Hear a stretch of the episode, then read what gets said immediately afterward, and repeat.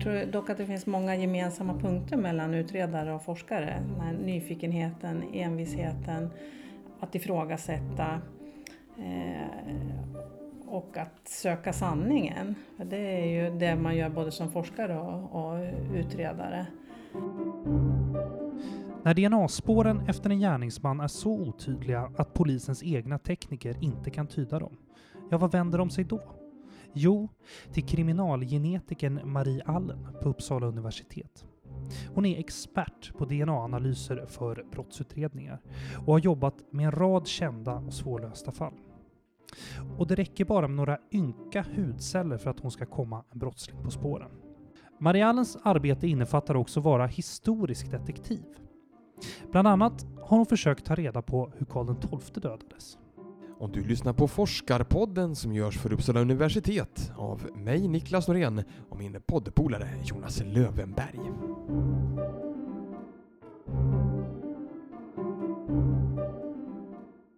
Jag heter Maria Allen.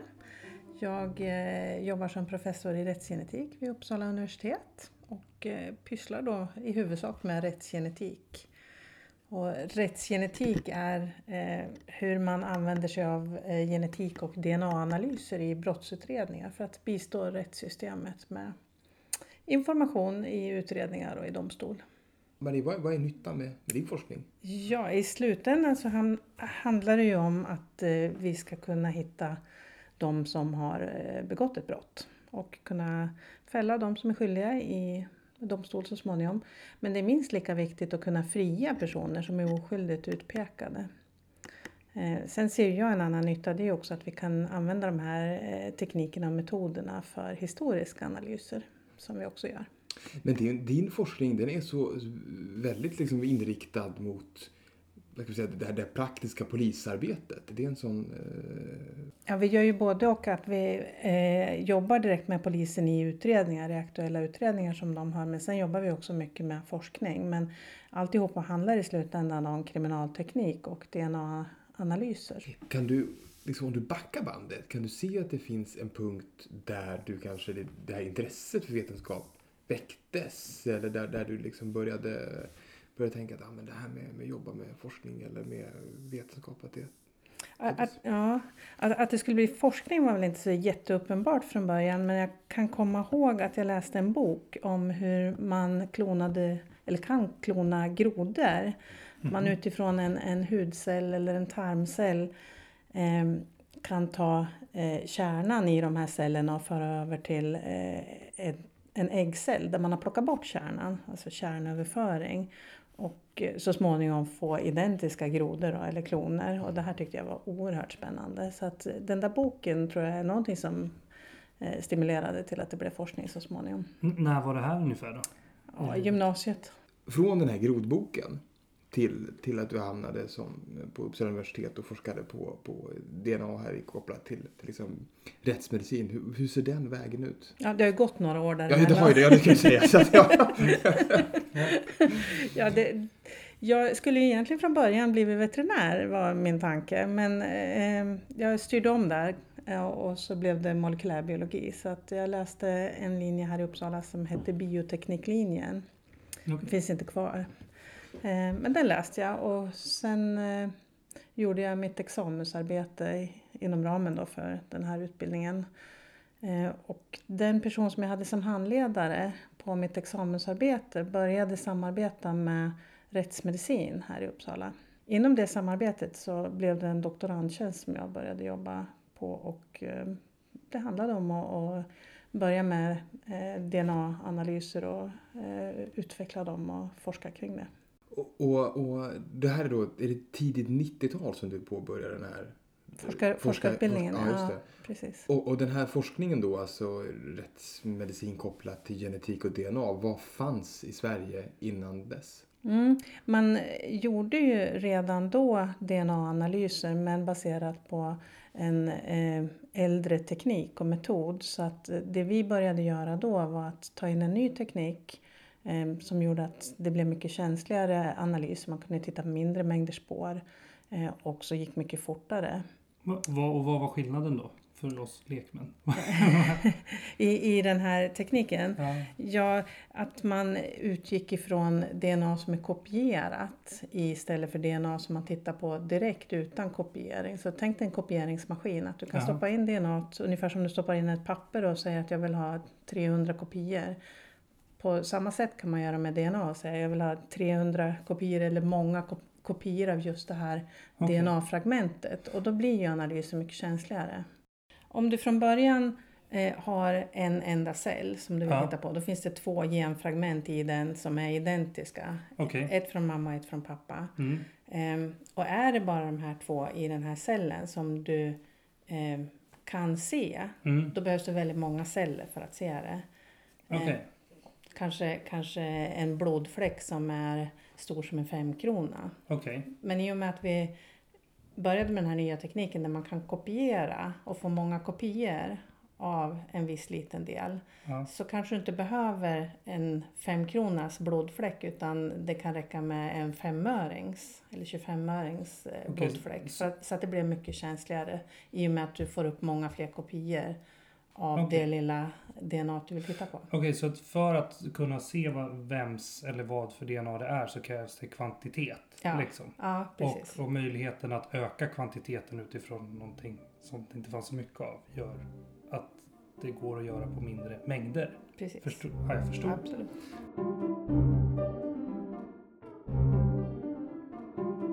Men, men, vi, och vi tycker, men vi tycker det här med, med, med ditt arbete med polisen är hemskt spännande. Så, Mm. ja, så, men, och, eh, du jobbar ju ganska mycket med polisen då förhållande till kanske många andra forskare på Uppsala universitet misstänker jag. Men, ehm, varför jobbar du med polisen?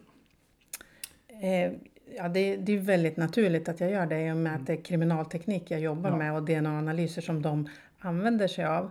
Eh, men många gånger så kommer de, eh, vänder sig till oss för att de behöver hjälp i en specifik utredning. Så att vi gör en del utredningar åt polisen. Ehm, ibland så har de frågor kring om man kan utveckla eh, vissa typer av analyser vidare så att man kan titta på andra saker än vad man kan göra idag. Eller känsligare analyser, hur man kan minska mängden DNA som krävs och så vidare. Så att det, det är ett samarbete på många, många plan. Är det, du var lite inne på det nu, men är det liksom några särskilda fall när de kom till dig? Alltså att det är omständigheter som säger men nu måste vi komma till Mariella och be om hjälp här. Ja, vi gör en specialanalys som skiljer sig från den som man gör i rutin. Alltså, det är i huvudsak i Linköping som man gör DNA-analyser på NFC eller tidigare SKL, Vad står NFC? Nationellt forensiskt centrum. Ah, Okej. Mm. Sen årsskiftet så har de bytt namn. Ah, Det var SKL tidigare. Okej. Ehm, och de gör ju i princip alla rutinanalyser i Sverige. Men om man har väldigt lite DNA eller väldigt förstört DNA, nedbrutet DNA, då kan vi använda oss av mitokondrie-DNA istället för kärn-DNA. Och eh, fördelen med mitokondrie-DNA är att det finns väldigt många kopior. Så innan man ens har gjort den här kopieringen som vi pratade om nyss så finns det många kopior att utgå ifrån. Okej, och, och vad skiljer kärn-DNA från mitokondrie-DNA då? Många saker faktiskt. Dels så ärvs det bara på mödernet så att alla har samma mitokondrie-DNA-profil som mamma, mormor, syskon Okej. och så vidare. Eh, och sen har vi då den här kopiskillnaden. Eh, bevisvärdet är inte lika högt på den här typen av analys som på en kärn-DNA-analys. Så därför använder vi den som ett indicie tillsammans med annan bevisning. Eh, Så, så eh, polisen de kopplar in dig när de vill ha den här mm, specialundersökningen. Är, är det vid särskilt svåra fall eller är det... Eh, ef- Eftersom, eftersom det är en specialanalys och den är lite kostsam så brukar man ju bara ta till den i riktigt grova utredningar. Så att det, det brukar vara de här fallen där man har eh, provat alla andra utvägar först. Och att det bara finns det här kvar egentligen för att eh, få fram en DNA-profil. Eh, kan vara kalla fall där, där man inte har gjort någonting på många, många år men helt plötsligt har öppnat den här utredningen igen och vill, eh, vill eh, komplettera. Ja. Det låter som ett, bra material för en deckare, gör det inte det? Att du ska komma, så Jag kanske, någon, jag kanske ska skriva en deckare en vacker dag. det, att du skulle komma någon, sån här, någon, någon, någon besvärlig polis kanske Ja, in i ja. här miljön. ja. Ja, eh, Men, men eh, vi undrar, är det någon speciell eh, utredning om något kändare brott som du har varit med och löst? Ja, vi har jobbat med Eh, vi jobbade med Katrin da Costa-utredningen. Nu har ju det fallet blivit preskriberat. Det var den här prostituerade kvinnan som blev styckad. Eller hittades styckmördad och två läkare som var misstänkta, allmänläkaren och obducenten. Eh, där gjorde vi en hel del analyser på hårstrån som man hittade på en handduk. Eh, vi var inblandade i utredningen av Helene Nilsson, flickan som mördades i Hörby. Eh, vi har analyserat DNA från Gotabankskuppen. Det var ett styckmord i Stockholm också, en äldre man för ett antal år sedan som man hittade i Riddarfjärden. Där var vi inblandade. Så det är några av de ärenden som vi har jobbat med. Men alltså hur påverkar det dig som person då att vara så nära? Det är ju ganska ohyggliga saker ändå liksom som händer. Ja men det är det ju absolut. Det är ju... Eh, på, påverkar det, det väldigt, på något sätt? Liksom? Ja det, det är väldigt tragiska, tragiska omständigheter i de flesta fall här. Men om man vet att man kan göra nytta genom att bidra med DNA-analyser och, och eh, kanske kunna koppla det till en misstänkt person eller en person som har gjort det här så, eh, så känns det ju bra. Säga, hur, hur påverkar det här din, din forskarroll? Jag tänker det här med att, att jobba så nära med att lösa fall eller att jobba nära polisen. Betraktar du dig själv som liksom forskare och kriminalare eller forskare och detektiv? Eller? eh, nej, jag eh, betraktar mig inte som utredare utan mer som forskare. Jag tror dock att det finns många gemensamma punkter mellan utredare och forskare.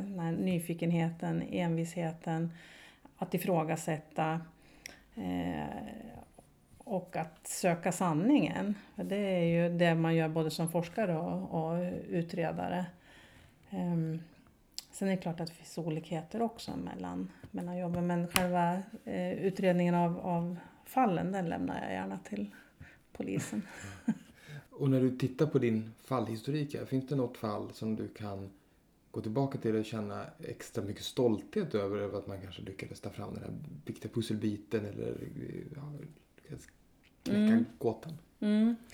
Eh, ja, det är nästan alla fall där vi lyckas få fram DNA och oavsett faktiskt av om, om det är DNA som matchar en misstänkt eller inte. Att bara kunna få fram DNA. För att som, som jag sa i början här att en uteslutning kan ju vara minst lika viktig om det finns en person som är misstänkt. Ja, som man kan ja.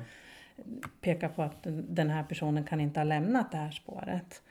Um, så det är inte någon specifik utredning där som jag kan peka på utan det är mer generellt att vi har jobbat med så många utredningar som, som är viktiga. Mm.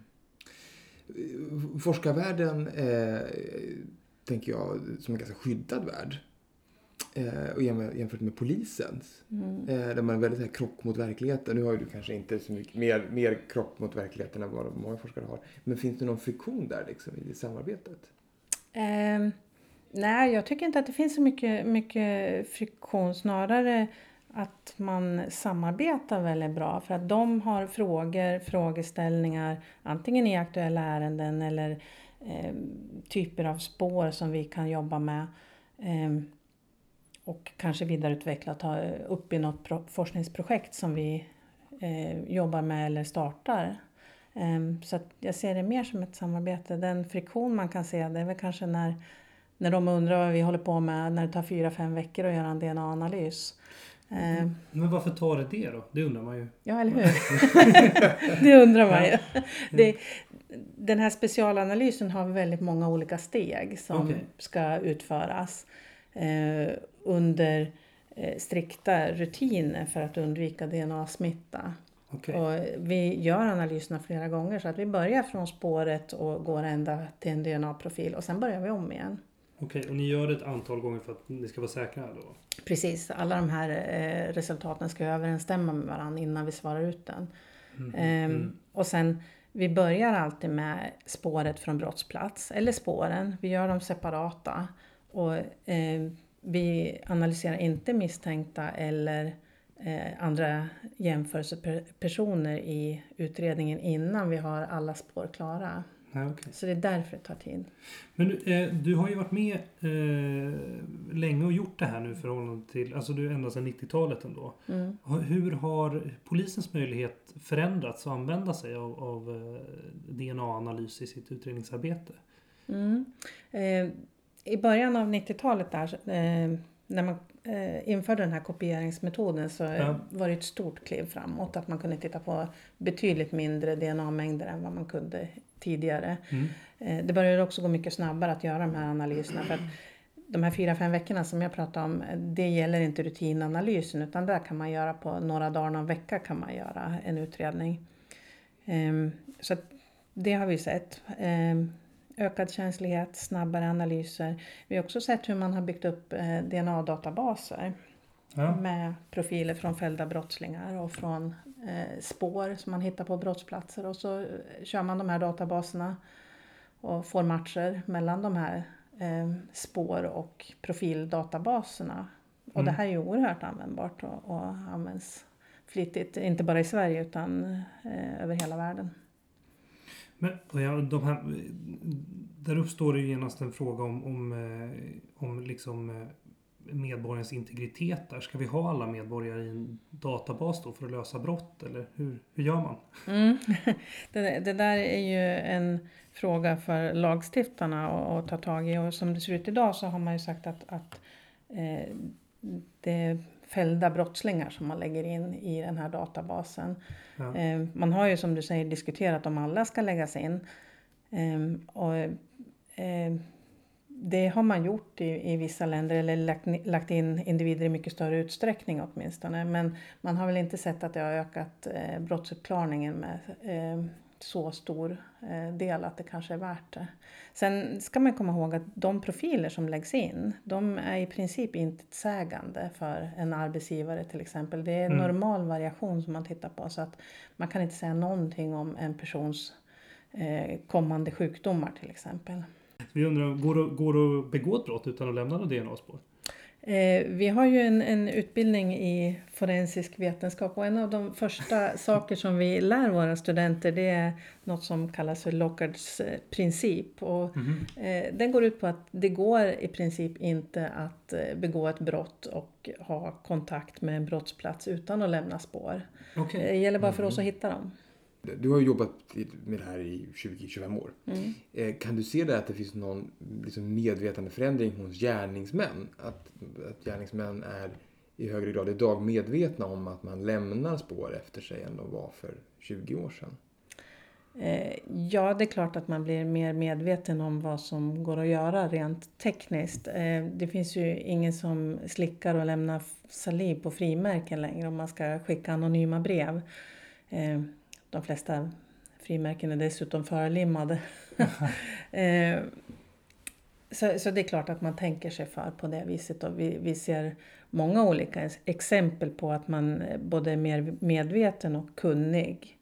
Ehm, Så det gäller ju bara för oss att ha eh, en parallell utveckling. Jag tänker, nu, jag, nu sitter jag vid ditt eh, matrumsbord här eh, Mm. och har mina händer på, på det här. Jag antar att jag lämnar en massa DNA-spår här nu. Du gör ju det. Ja, jag gör det. Precis. Men om Jag jag, har skulle... topsar här borta. Så... så kan, det ifall något som saknas så kan jag... ja, ja. Men, du, men alltså, om, om jag hade gått och hämtat en, en, en trasa nu bara och torkat av bordet, hade, hade mina DNA-spår försvunnit då? Till viss del eh, hade de nog gjort det. Ehm, men kanske inte allt. Nej. Nej. Och, och hur mycket behövs för att du skulle kunna fälla mig för den här stölden då? Ja, i, I princip en enda cell och, och vi, vi vet att olika människor tappar olika mycket DNA. Mm. När man avsätter sådana här kontaktspår brukar vi kalla det för, när Ja. man bara sätter händerna någonstans. En del tappar väldigt mycket DNA. Eh, och man kan tappa upp till 200 celler Mm. av ett fingeravtryck. Så sätter du bara tummen på bordet här så kan det Då sitta du 200. celler. Och det räcker med en? Ja, precis. Ja, okej. Ja, då är det kört.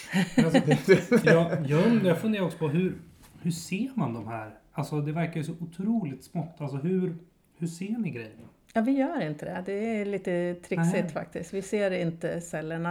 Eh, när det gäller blod och blodspår ser man ju, det är ju Mm. ganska uppenbart. Saliv är svårare att se. Spermier ser du inte alltid heller om det är små mängd. Polisen de använder sig av eh, en lampa för att belysa. Jag skulle just fråga det, för jag tänker mig att att det är de här CSI-lamporna. Exakt. Ja, just det. Precis. Precis. Så de belyser då olika ytor som de tror kan ha spår för att se. Då fluorescerar de i, i det här ultravioletta ljuset. De, de lyser helt enkelt. Ja, Ja. Det blir självlysande. Ehm, Men, det är inte, men det är inte så enkelt alltså att få sådana reaktioner, eller? Nej, inte om det är små, om det är små mängder. Och, och handlar det om saliv och, och spermier så kan det vara så att du ser det. Men eh, hudceller som du tappar bara genom Mm. sådana här kontaktspår, det syns inte alls. Utan då får man mer eh, fundera vart man tror att eh, de här spåren kan finnas. Och så man går och letar. ja. Ja. Mm. Om vi då i processen, vi antar att vi har topsat där vi antar att någon har fingrat liksom. Mm. Och sen när ni har den här topsen, Mm. det är då jag undrar. När går det att se de här cellerna visuellt till slut på något vis? Alltså det här ni tittar på. Nej, vi, vi, vi gör ju inte det. Vi ser dem aldrig. Eh, för att vi tar den här topsen, Mm. eh, stoppar ner den i ett provrör och lägger på en vätska. Mm. Eh, och den här vätskan kommer att, att, att eh, lösa upp cellerna. Mhm. och släppa ut DNA som finns i cellerna så att vi ser dem aldrig. Utan, eh, från att vi topsar någonting till synes osynligt Mm. Så kommer det att övergå i vätska som sen övergår i ett resultat så småningom. Och, och hur får man resultatet? Ja, det får man genom att eh, göra många olika eh, reaktioner med det här DNA-provet. För det är DNA vi plockar fram när vi Mm. har sprängt cellerna. Eh, flera olika reaktioner i olika steg. Och sen eh, i slutändan så använder vi oss, oss av ett instrument som kallas för en eh, sekvenseringsmaskin. Eller en sekvenator. Okej. Och den kommer att, att ge oss en profil. Antingen mitokondrie-DNA-profil eller eh, en kärn-DNA-profil. Och- och- Samma instrument. i Och det är den här sekvensen av som är unik då eller? Ja, precis.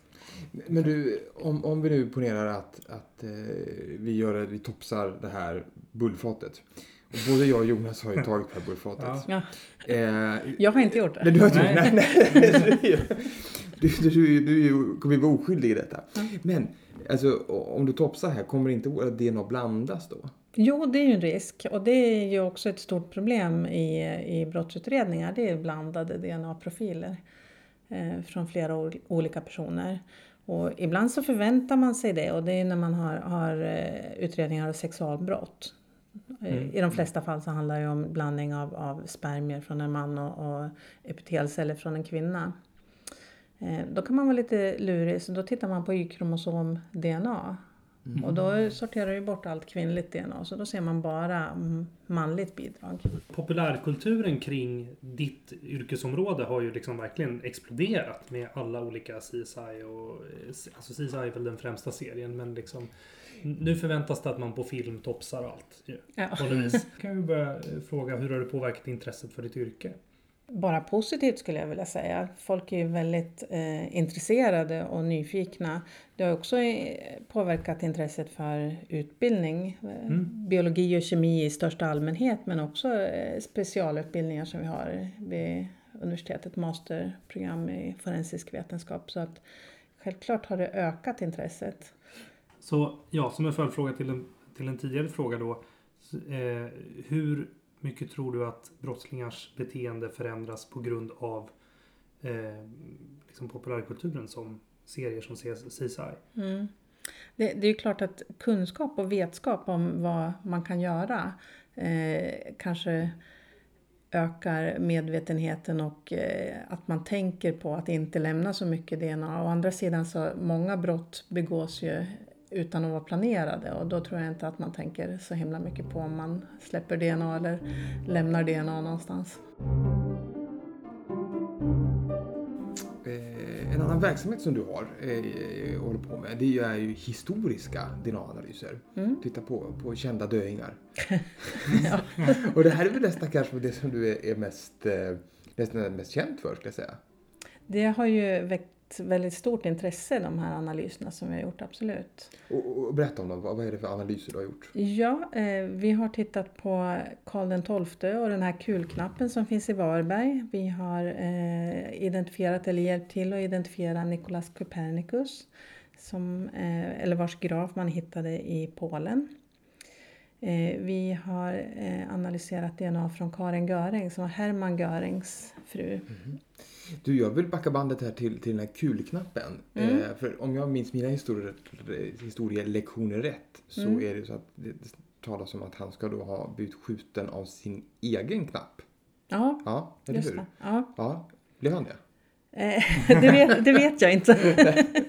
Eh, vi har ju gjort DNA-analyser på den här knappen och vi har jämfört det med blod som eh, fanns på hatten och handskarna som finns på Livrustkammaren i Stockholm. Eh, framförallt blod på, på handskarna. Eh, och det stämmer överens den här profilen men som jag sa tidigare att bevisvärdet för en mitokondrie-DNA-analys är inte alltid så högt och det här visar sig vara en väldigt vanlig profil. Okej. Så att eh, jag skulle väl inte vilja dra allt för stora slutsatser av det. Nej, men det är inte uteslutet att han blev skjuten av knappen då? Nej, Så mycket kan vi säga. så, Ja, så okej. långt kan jag sträcka mig. Ja, ja, det är bra. Och, du, eh, Copernicus då? Eh, Ja. det, är väl, ändå- det är väl ändå en ganska... Eh, kanske Jo men eh, man hade letat i, efter Copernicus i, i flera hundra år. Till och med Napoleon var inblandad i att leta efter Copernicus för att man visste att han var begravd i Fromborg-katedralen men man visste inte var. Och det fanns, eller finns, eh, en massa gravar under kyrkan där som eh, man, eh, man letade bland här för några år sedan, 2005 började man. Och eh, man hittade en hel rad med gravar med då skelett i. Eh, och ingen av dem fanns det namn på. Men en av gravarna visade sig vara mer intressant än de andra för att det innehöll en äldre man och han dog eh, när han var 71 tror jag. Eh, och eh, man kunde också se en, en skada på eh, kraniet som man visste motsvarade en skada som man hade haft. Så att den här eh, graven blev ju väldigt intressant. Man behövde en levande släkting då för att kunna jämföra DNA-profiler från ben och tänder. Eh, och det hittar man inte, ingen levande släkting. Eh, då eh, kom astronomen Göran Henriksson här i Uppsala på att man kunde titta i hans böcker, för vi har en hel rad av hans Mhm. böcker som krigsbyte. Alltså då inte böcker som han har skrivit utan, utan hans, som han har hans använt. böcker. Ja, men Aha. precis. Hans bibliotek, Aha, personliga bibliotek. Eh, De finns både på Carolina och en bok fanns i Gustavianum. Mm. Eh, Så att vi tittade både på Carolina och i Gustavianum och boken i Gustavianum var en kalender som han hade använt i över 20 år. Okej. Så att vi tog hårstrån som vi hittade i den här kalendern. Eh, vi hittade, jag tror det var nio hårstrån totalt. Analyserade dem och fick DNA-profiler på fyra. Eh, och två av de här profilerna visade två olika eh, mitokondrieprofiler som inte stämde med eh, ben och tänder. Men två stämde så att de visade helt identiska profiler.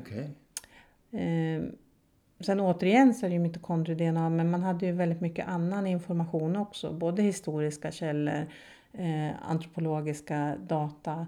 Eh, man hade gjort en ansiktsrekonstruktion som styrkte att det här verkligen var rätt. Ja, en samling av bevis här. Ja, precis. Så att eh, han återbegravdes 2010 i Så, så då, då var vi ganska säkra på att det här var Copernicus alltså? Tillsammans med eh, all annan data, ja. Ja. Okej, vad spännande. Mm. Ja. Men eh, jo, vi måste ju fråga, det var, vi var inne på lite förut. Och så, eh, DNA-analysen eh, gör ju mycket nytta, det är ju rätt att konstatera. Men vad, kan du, ser du några baksidor med liksom, tekniken?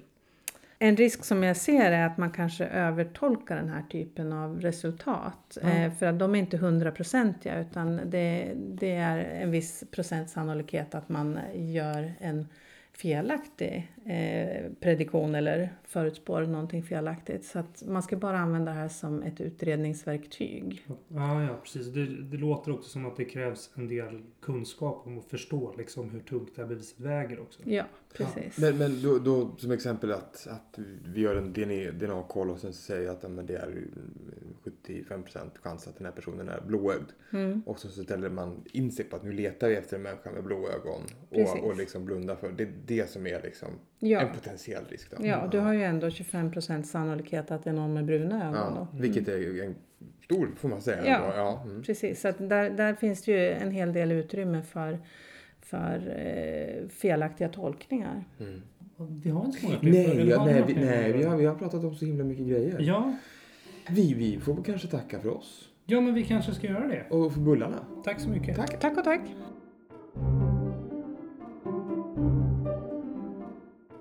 Det där var alltså en av Sveriges främsta kriminalgenetiker, Marie Allen, och det var också det sjätte avsnittet av Forskarpodden. Men du Niklas, hur gör vi egentligen när vi väljer forskare till det här programmet vi gör? Ja, vi, man kan säga så här, du, vi har ju en idé lite om vad vi vill ha med i vårt program. Mm, eh, och att det ska vara en blandning utav olika ämnen och det ska väl också vara en blandning utav män och kvinnor och olika bakgrunder. Eh, och det ska framförallt vara en bra blandning utav spännande forskning. Mm. Okej, så om man skulle ha eh, någon idé om vem man skulle vilja höra i Forskarpodden, vad gör man då? Då kan man mejla till forskarpodden gmail.com eller ska man skriva till oss på Twitter, hashtag forskarpodden. Mm. Och, och sen om man vill skriva om oss, eller hur? Ja. Så kan man ju skriva också under Ja, hashtag. det kan man också göra, och man vill Eh, prata med oss på mm. olika sätt. Och det ska man säga att alltså, det här är det, det sjätte avsnittet, eh, Mm. och det kommer eh, fyra till, och av de forskarna så har vi ju fått input från våra lyssnare på Mm. vilka de vi ska träffa. Mm. Eh, inte nästa avsnitt, men avsnittet därpå, tror jag det blir. Eh, då träffar vi en forskare som heter Mattias Jakobsson. Mm. Eh, också genetiker. Väldigt spännande. Väldigt spännande. Och det är ett, ett, eh, lyssnartips som vi hade nog missat honom tror jag om vi inte hade fått det tipset. Precis, så vi vill gärna höra vad ni tycker. Eh, jaha, och i nästa avsnitt kommer ni få höra det här. Och det är väl det, är det som är den utmaningen, att, att hur man kommer åt de människor som är en ganska stor del av samhället som inte är så intresserade och som inte kanske har kunskapen, som inte lyssnar och som inte läser eh, allt det här som står. Även om allting som står inte alltid stämmer och kan ibland förvirra så är det ändå det går inte att missa tycker man, att man vet ungefär vad som är bra mat och att man ska röra på sig och inte röka. Men, men, men de, tar, de är inte intresserade av att höra det. Det där var Ulf Riserus som forskar på fetma och vad vi ska eller inte ska stoppa i oss. Dessutom så utvärderar han vår lunch. Tack för oss!